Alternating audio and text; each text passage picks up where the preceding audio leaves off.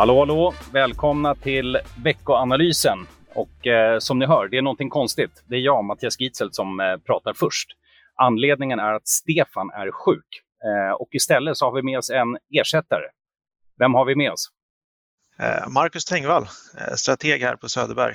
Eh, så det är väl tredje gången jag gästar ändå, så det är kul att vara tillbaka. Ja, några känner igen det, definitivt. Och sen är ju du lite, lite kändis i media och sådär. Brukar ju synas ibland på alla möjliga förfrågningar om vad vi tycker om marknaden så. Ibland så. Ja, det, det, där, det kommer bli grymt. Eh, vi kör igång. Och eh, riktigt spännande, vi spelar ju faktiskt in måndag, nej, vi spelar in tisdag morgon. Eh, och eh, vi har precis fått ett eh, riksbanksbesked. Så jag tänkte vi kan väl hoppa in rakt in i det. Vad, vad händer där?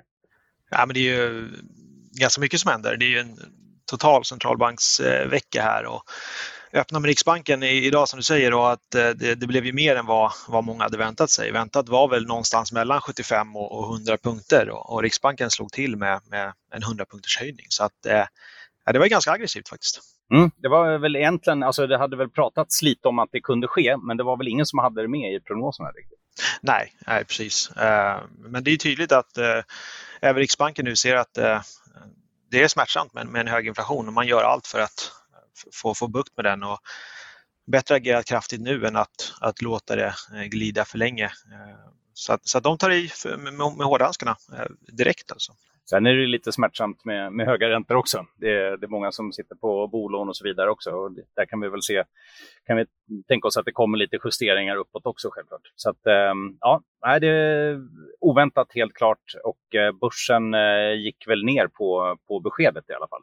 Ehm, så var det. Det, det är generellt varit lite avvaktande inför Fed imorgon, men det var ändå en positiv öppning nu och sen, så, sen när, när beskedet kom så föll det tillbaka lite. Ehm, men annars är det ingen jätterörelse på, på varken räntor eh, Eh, eller valutor. Man kan ju tycka att kronan ska stärkas lite, eh, men det, det räcker inte med, med aggressiva räntehöjningar utan eh, kronan är fortsatt svag och har ju varit det hela året. Det är ju ganska kämpigt för Riksbanken att den är så pass svag.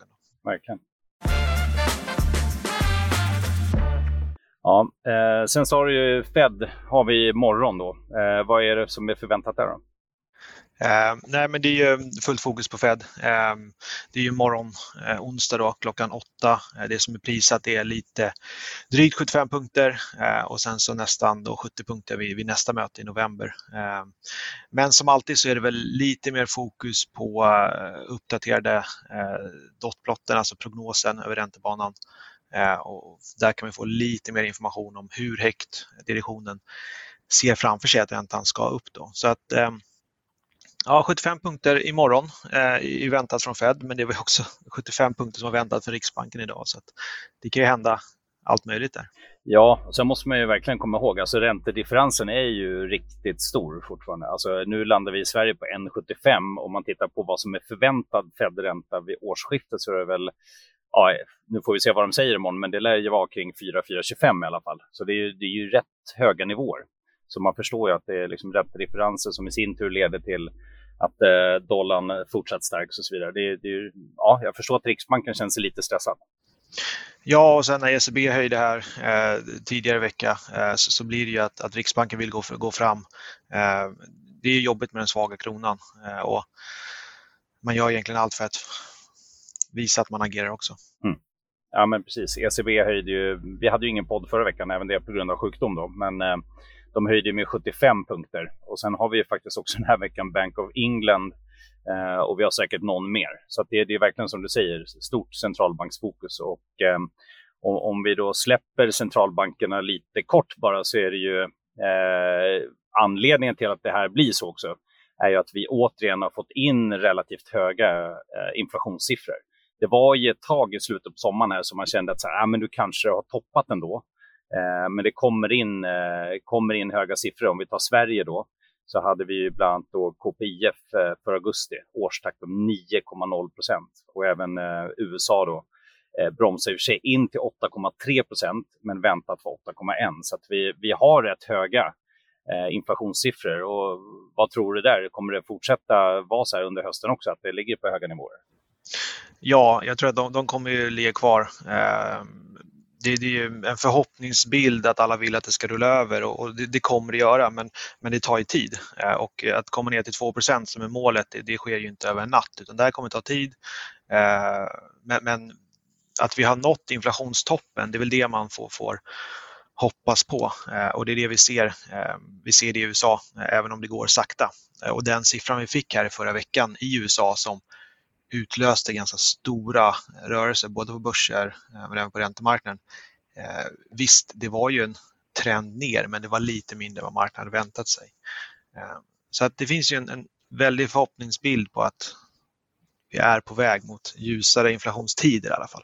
Men sen är det ju det att även om det blir liksom en liten vad ska jag säga, avmattning i inflationsökningarna så har vi ändå, alltså idag så är ju, har vi en situation där boendekostnaderna ökat med 15 mat har blivit 14-15% dyrare, transporter har blivit dyrare. Det här är ju liksom de stora puckarna i inflationssiffrorna och det kommer ju märkas på, på konsumtion och på huspriser och annat här. Så att eh, ja, det är definitivt en annan situation och jag är väl lite också så här eh, orolig för, alltså som vi sa, Fed-ränta, om den nu hamnar på 4425 och så kanske är det då i sin tur ännu högre räntor vad folk faktiskt lånar på. Eh, jag tänker återigen på amerikanska husmarknaden då, som ju faktiskt, eh, om man tittar på vad, vad det kostar för folk att bo, så är det ungefär lika dyrt nu som det var precis innan finanskrisen. Och om man tittar på de, eh, de lägenheter och hus som har gått till liksom investerare som i princip bara lämnades in då av privatpersoner.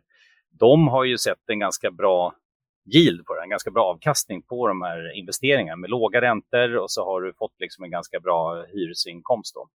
Eh, men eh, tittar man på den differensen mellan vad faktiskt räntan är och vad de, vad de här fastigheterna gillar, så ja, då börjar det också bli ganska det blir netto noll snart om det här fortsätter. Så att eh, man är lite orolig att, vi, att man kommer till en runda där. Nu ska jag inte vara, vara så negativ, men eh, nog, eh, nog finns det lite att vara orolig för. Och eh, den här veckan bland annat så får vi in eh, stämningsläge från amerikanska husbyggare. Det ska intressant att se hur det, hur det landar. Ja, nej men absolut. Och, och hushållen de, de, pressas ju från flera håll samtidigt. Det, det, blir som en perfekt storm med energipriser, räntor, inflation på alla sätt och det ser man ju i konsumentförtroende. Man ser det. Eh, nu håller ju detaljhandeln uppe förhållandevis väl, men, men den ska väl också ner om, om hushållen får mindre över i plånboken. Eh, och sådär. Så att, Nej, men det, det, är ganska kämpigt för hushållen och, och, det är det som, som är den stora orosbucken egentligen eh, för tillväxten framåt. Och framförallt nu med högre räntor, det, ju, det, har ju en eftersläpande effekt. Så det är egentligen, om man tittar i Sverige, så är det ju först nu vi ser effekterna av julhöjningen. Så, så dagens höjning här med, med 100 punkter, den slår ju först om ett par månader på bostadsräntor och sen i förlängning då konsumtion och, och, och tillväxten. Så att det är inte konstigt att tillväxtprognoser för nästa år eh, tas ner eh, och, och, det gör de ju på bred front eh, av den anledningen egentligen. Ja, men det, ja, jag, jag håller helt med. Och tyvärr, det här får ju nu låta relativt negativt, men om vi ska leta någonting eh, lite bättre här då, och framförallt titta lite mer på börsen och så. Det har ju faktiskt kommit ner rätt mycket också. Nu är vi ju lite mer faktiskt försiktiga till globala aktier. Eh, men om man tittar svenska börsen, den har ju fallit rätt kraftigt. Hur ser det egentligen ut med, med värderingar och så där nu? Ja, nej men absolut. Ja, men värderingarna har ju kommit ner på, på på bred front egentligen, både globalt men också i Sverige. Det är under 5 och 10 års snitt om man tittar där. Eh, sen klart att de baseras ju på, på vinstprognoser på 12 månader framåt och just nu så är de ganska optimistiska. Eh, och det är klart, jag tror att vi står inför en, en del nedjusteringar eh, på, på vinstprognoser. Vi ser vissa vinstvarningar komma in. Eh, men överlag så, så, så, är ju värderingen attraktiv just nu relativt till räntemarknaden. Sen kanske förhållandet mellan pris och kommande vinster kommer försämras lite. Men ska man vara positiv så finns det absolut värderingsargumentet att titta på. Eh, jag såg också att eh, vissa städer i Kina nu öppnar upp efter de här, det var här i måndags öppnade man upp efter lång lockdown. Så att det finns signaler och jag tycker att man ska försöka fokusera lite på det också och inte bara måla upp ett, ett jättedystert scenario heller. Också. Mm. Nej, men framförallt så är det ju så att om man tittar på de stora nedgångarna historiskt, ja men då, de riktigt stora är väl kanske just så här 40-45 procent eller kanske till och med mer. Men eh, vi är ju faktiskt redan nere på nästan 30 i Sverige. Så att vi har ju haft en, en ganska ja, stor inprisning ändå av, av sämre tider. Det måste man ändå säga. Sen var ju uppgången innan självklart också stor. Men, eh, men nog ska man inte bara eh, är man långsiktig så ska man kanske inte just nu dra i nödbromsen och sälja av allt man kan. Liksom. Eh, verkligen inte. Nej, och det där är intressant. Marknaden har ju tagit ut väldigt mycket och står ju lite och väger, vet inte riktigt vart man ska. Och, och mycket är ju i kurserna och vi såg ju eh, vinstvarning från, från Elux här, eller Electrolux eh, i förra veckan och på den dagen så stiger kursen ändå. Så att förväntningarna är väldigt lågställda eh, och, och, det gör det också intressant när vi går in i en eh, rapportsäsong här. För nu, nu, nu, befinner vi oss i lite ett mellanläge så det, det blir väldigt mycket fokus på makro eftersom det inte kommer så mycket bolagsrapporter just nu. Då. Mm. Kommer det någon eh, mer makro den här veckan? Um, vad har vi egentligen i den här veckan? Jag nämnde ju den här husmarknadssentimentsindikatorn. Nu vart det ett långt ord. NAHB helt enkelt, amerikanska husbyggare. Eh, och eh, där väntas det väl ytterligare ett fall i alla fall till eh, 47 då från föregående månad på 49. Eh, den kommer väl i alla fall. Den kommer och sen så har vi lite preliminära inköpschefssiffror.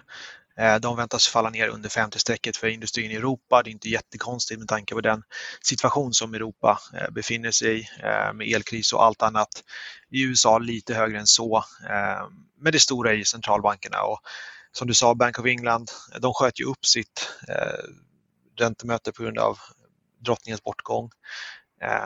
Och sen så har vi fått lite inflationssiffror från, från Japan och sådär. Det är på helt andra nivåer. Det är 2,8 procent i årstakt. Det går inte eh, att bli stressad och nervös över de siffrorna jämfört med 8-9 procent som vi har i, i Europa och USA. Um, men mycket, mycket makro och framförallt mycket centralbanker. Ja, och framförallt väldigt lite bolagshändelser i övrigt. Där är det ju faktiskt rätt tunt. Eh, som, som du nämnde, det är lite, har varit stängt i London den här veckan på grund av begravningen. Då. Eh, det är eh, Tokyobörsen stängd på fredag eh, och sen har vi egentligen vi har några mindre kapitalmarknadsdagar, eh, någon stämma, någon utdelning och så vidare. Men det är väldigt tunt vad gäller rena bolagshändelser. Utan det kommer vara väldigt centralbanksdrivet den här veckan. Eh, och det är därför vi också pratar självklart mycket centralbanker. Um, och sen så är det ju liksom om man lyfter blicken lite. Jag tycker det är väldigt intressant. Nu har vi ju under året haft en period där, eh, som vanligt egentligen, när det går ner så går ju ofta, om man, säger, man brukar säga, korrelationen går lite mer mot ett, det vill säga samrörelserna blir väldigt lika. Eh, det vill säga om aktier går ner så går, så går obligationsinvesteringar ner. Så har vi definitivt haft det nu.